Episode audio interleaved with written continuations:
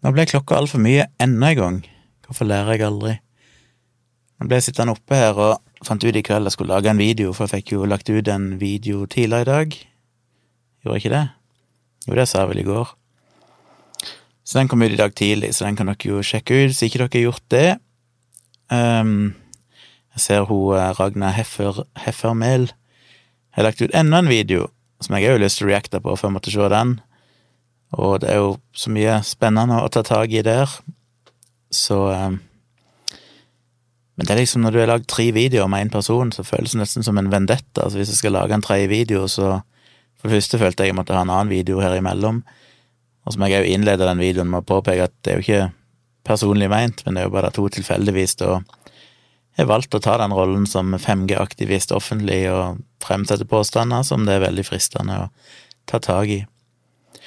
Men i kveld så har jeg sittet og Eller nå i natt, begynte i kveld, så fant jeg ut at jeg skulle lage den her musikalske IQ-videoen, der jeg hermer etter Wasim Sahid og på en måte refererer til han og sier at jeg skal ta samme test. Og det har jeg gjort. Jeg har tatt testen, og så så jeg hans video etterpå, og jeg skal ikke avsløre resultatet om hvem som vant. Men eh, det jeg blir sittende med, er jo selve videoen tar ikke så fryktelig lang tid å redigere, for det er litt sånn skru på kamera og gjøre greier, så er det bare å klippe vekk masse sånn at det blir kort nok. Men eh, sliter med lyden. Jeg blir aldri fornøyd med lyden, og ja, den mikrofonen jeg snakker i nå, som er en eh, Røde Podcaster Pro, er det han heter, eh, det er en god mikrofon, og den eh, får jeg bra lyd i, så vidt jeg vet. En stund siden jeg spilte inn med den, jeg så bare brukte den til livestreams, men eh, podkast og sånn, altså live. Men når jeg spiller inn foran kamera, så pleier jeg å bruke en sånn mygg som jeg har. Men det er jo en ganske billig røde Husker jeg hva den heter, en annen røde mygg, som jeg bare kjøpte. Eh, akkurat når jeg kjøpte kamerautstyr og sånn. Og jeg lurer er den, at det bare altså, den gir en sånn boksete lyd som jeg sitter og skrur på EQ-en for å prøve å fikse, men jeg får det liksom aldri sånn som vil ha det. Så jeg lurer på om jeg må, jeg skal gjøre noe, jeg må gjøre noe tester i morgen, tror jeg. Bare spille inn ren lyd uten noe video. Bare høre liksom hvordan høres egentlig lyden ut. Og sammenligne med denne mikken jeg snakker i nå, for eksempel, og sjekke hva er forskjellen på lyden. Det må jeg gjøre, ja. Og hvis jeg, som jeg mistenker, at det er den mikken som bare rett og slett ikke er noe god, så må jeg rett og slett kjøpe meg en kvalitetsmygg, for det, det plager meg sånn, jeg er ikke for god lyd. Det har dere jo merka allerede, siden jeg har investert mye i å behandle dette rommet akustisk, som har hjulpet mye. Nå er det jo veldig dødt, dette rommet, og det er bra. Men jeg må kanskje gjøre noe med den myggen, for det koster meg altfor mye tid. Og jeg blir sittende i et par-tre timer omtrent bare å skru lyd, og så får jeg det ikke sånn jeg vil. Og det farlige med å skru lyd er jo at du blir døv for lyden etter ikke så veldig lenge, egentlig. Sitter og skrur, og så blir det bare verre og verre, føler du.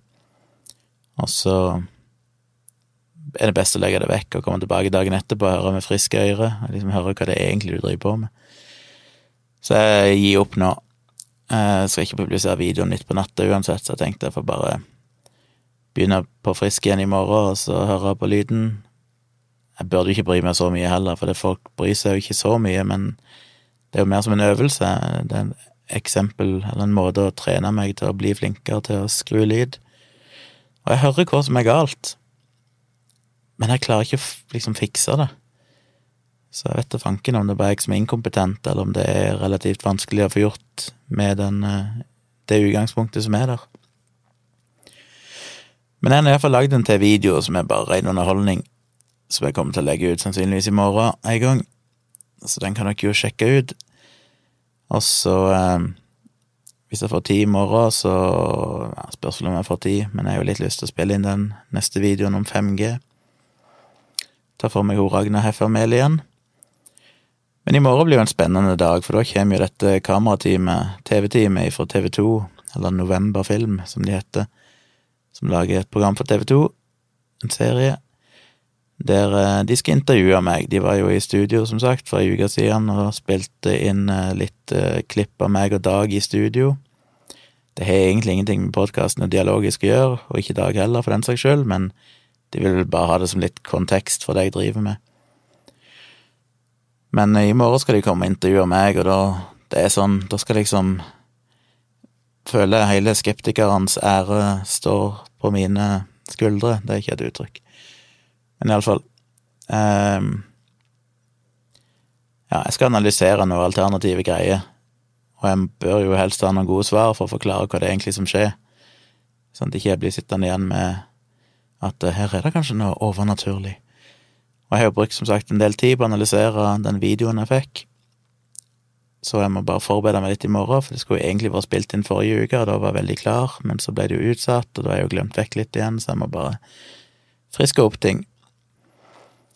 Så det gleder jeg meg jo litt til, men jeg gruer meg òg, for det er forferdelig når du skal prøve å svare kort og konsist og være smart og si noe lurt på kort tid, altså du er livredd for at de ikke får med seg det viktige, altså det er viktig å klare å formulere seg så kort at jeg tror de kommer til å ta det med hvis det blir for mye omstendelig prat, som jeg er veldig flink til, dessverre, så blir det vanskelig for de kanskje å klippe det inn, og da kan det bli mer feil enn det jeg ønsker, så må finne noen sånne soundbites, noen gode poenger jeg kan ta, så det skal jeg øve meg litt på i morgen. Forberede litt, jeg har gjort allerede, da, notert noen sånne eksempler som jeg regner med de kommer til å spørre om, som jeg er forberedt på å svare på. Så det blir jo scary. Og så er det jo nest siste innlesing av placebo-defekten i morgen kveld klokka halv ti, eller i kveld når dere hører dette, sikkert det er onsdag kveld, halv ti. Og igjen, det skal bli godt å bli ferdig med det, men det blir jeg nok ferdig med på fredag. Det blir vel siste lesing. Ellers er jo Tone starta sin Patron på patron.com slash Tone Sabro, og det er jo gøy å se at hun har fått noen patrons allerede. Det betyr jo veldig mye for henne, og jeg syns det er veldig, veldig gøy, jeg òg. Det er jo helt supert hvis det er en måte hun kan tjene litt eh, penger til å drive med det hun ønsker å drive med, som er video og podkast. Så takk til dere som eventuelt har støtta henne der, og sjekk gjerne ut patronen hennes, og se om det kan være noe dere har lyst til å støtte. En god sak. Viktig, viktig budskap hun har, og viktig aktivitet hun driver med. Hva mer er det jeg kan si noe om? Ikke så veldig mye, egentlig. Jeg burde egentlig komme meg i seng, for det er min tur å stå opp med dette lille udyret, som bare blir bedre og bedre. Utrolig hvor mye hun har vokst. Ser på bilder når vi fikk henne, og det er jo Hva er det? Det er under to uker siden. Tolv dager siden. Og på de tolv dagene har hun jo blitt så mye større. Men de vokser fort i den alderen. Hun blir jo stadig flinkere, hun er veldig flink til å sitte nå. Eh, får ofte til å ligge òg. Og en eneste jeg sliter litt med fortsatt, er å få henne til å ville gå. Men hun har blitt veldig mye flinkere. Jeg driver og trent med henne når jeg er ute og går tur og har med godbiter i lomma, og så roper jeg 'kom'. Og når hun da kommer springende til meg, så får hun en godbit. Men hun er litt for smart, for hun skjønner på en måte Hun ser på bevegelsene mine om jeg har godbit eller ikke, så hun er blitt litt for lur. Sånn eh, hvis ikke hun ser at jeg har noe godteri på lager, så er hun den som bare sitter der som en stabukk og kikker på meg Hun trives med å bare sitte og kikke. Men jeg håper det går seg til, jeg håper ikke jeg gjør noe feil. Ellers er det jo fortsatt litt uh, tissing inne og sånn, men vi har jo sperra kjøkkenet, som jeg sa, sånn at vi begrenser det til der inne. Der har jo et ganske greit areal å springe rundt og leke på, med huset sitt og leketøy. Så der koser hun seg, og det er en avgjørelse jeg er glad vi gjorde. For de første dagene så sprang hun på en måte fritt i hele stua og sånn, men da må du sitte og kikke på hele tida for å følge med om hun tisser en plass. Når det er begrensa til kjøkkenet, så er det ingenting hun kan tygge på, det er ingen ledninger, det er ingenting hun kan ødelegge der inne. Så det er egentlig fint å bare ha henne der inne. Og så tar vi henne ut av og til på kvelden og sånn, og så hun får være litt utenfor der òg. Men det er jo et spennende prosjekt å se om vi klarer å få henne til å bli lydig og flink. Det er jo så fascinerende å se på de her hundeprogrammene, hva de får til. Men når de virkelig trener hunder, får de til å bli virkelig eh, lydige. Så jeg håper jo det er mulig å få til noe sånt. Det gjør jo alt så mye lettere for alle parter. Jeg skal ikke rante noe om 5G eh, og sånn i dag, tror jeg, for jeg har ikke lagd noen ny video. Jeg kan rante litt, for jeg så jo som sagt den nye videoen til Ragne Heffermel, og det er jo fascinerende hva for noen påstander som kommer, og hva en finner ut når en begynner å sjekke ting. For eksempel, uh, igjen så henviser hun til en ny liste med signaturer fra belgiske leger en ca. 500 stykk, som har skrevet sånn opprop, eller har signert på et opprop der de ønsker at en skal begrense en del eh, mobilstråling og beskytte barn og gravide og ikke innføre 5G og bla, bla, bla. Og så høres det så overbevisende ut, en sånn blir fremlagt som at det er 500 leger eller forskere. Men igjen, når en begynner å se på lister, så er det jo ja, det er jo riktignok mye leger og forskere, men det er jo òg homopater og akupunktører og, og mye rart som er vanskelig å ta helt seriøst. Men det er vanskelig å sjekke det, for det står liksom bare en initial og sett etternavn. Og så skal du prøve å google det, så de fleste av de finner jeg jo ingenting på i det hele tatt. Eller så finner jeg noe, men jeg er ikke sikker på om det er deg. Og det er vanskelig å, å sjekke det på en måte. Så det jeg gjorde, bare for moro skyld, det var at jeg signerte det skjemaet sjøl, med et fiktivt navn, og så jeg var lege på et sykehus i Belgia. Bare for å se hvor nøye de sjekker det. Jeg er spent på å se om jeg dukker opp i den lista. Håper vel at, og regner vel nesten med at de sjekker det noenlunde godt, men eh, hvem vet? Hadde jo vært jækla gøy hvis de hadde tatt meg med på lista, for det hadde jo ødelagt litt av troverdigheten. Så de har ei belgisk liste, men de er jo en mulighet for internasjonale signaturer, og der fant jeg faktisk to norske leger. Så jeg sendte melding til han ene på Facebook og sa liksom bare hei, jeg var nysgjerrig på hvorfor han hadde signert på dette oppropet, og om han liksom genuint var bekymra, og jeg ønsker bare forstå liksom hva som lå bak, da. Prøvde å formulere det på en ikke-truende måte, men du vet, når ikke jeg er venn med han, så havner det jo bare i spam-filteret hans, holdt på seg, på Facebook, så det spørs jo om han får det med seg eller ikke. Og hvis han får det med seg, så er det ikke sikkert han gidder å svare. Så den er iallfall verdt det for seg. Det var gøy bare å høre med han hva han egentlig Det bitte lille håpet jeg har som hadde vært gøyest av alt, er jo selvfølgelig at det ikke var han som hadde signert, at noen hadde ført opp hans navn uten hans viten, men uh, mest sannsynlig så er det vel han. En annen ting som er morsom òg, det er jo at hun, eh, Ragna henviser jo til hun Devra Davis, som er en sånn kjent skikkelse som driver et av de sånne store amerikanske, vel, sånn antistrålings- eller organisasjonen organisasjon for eloverfølsomme, og tilsvarende Folkets strålevern i Norge. Og hun blir da presentert som eh, hva du sa, lege eller forsker og nobelprisvinner. Så tenkte jeg hæ, er jo nobelprisvinner.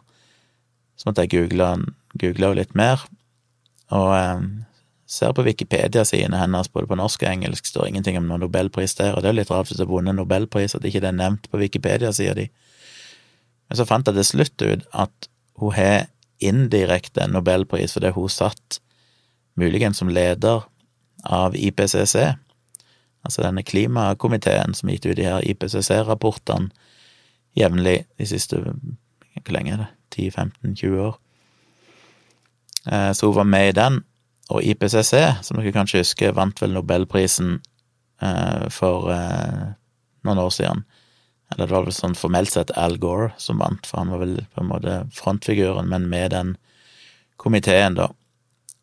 Så ja, teknisk sett så har hun kanskje vunnet en nobelpris, for det er jo satt i den komiteen sammen med veldig mange andre mennesker, jeg vet ikke hvor mange det er.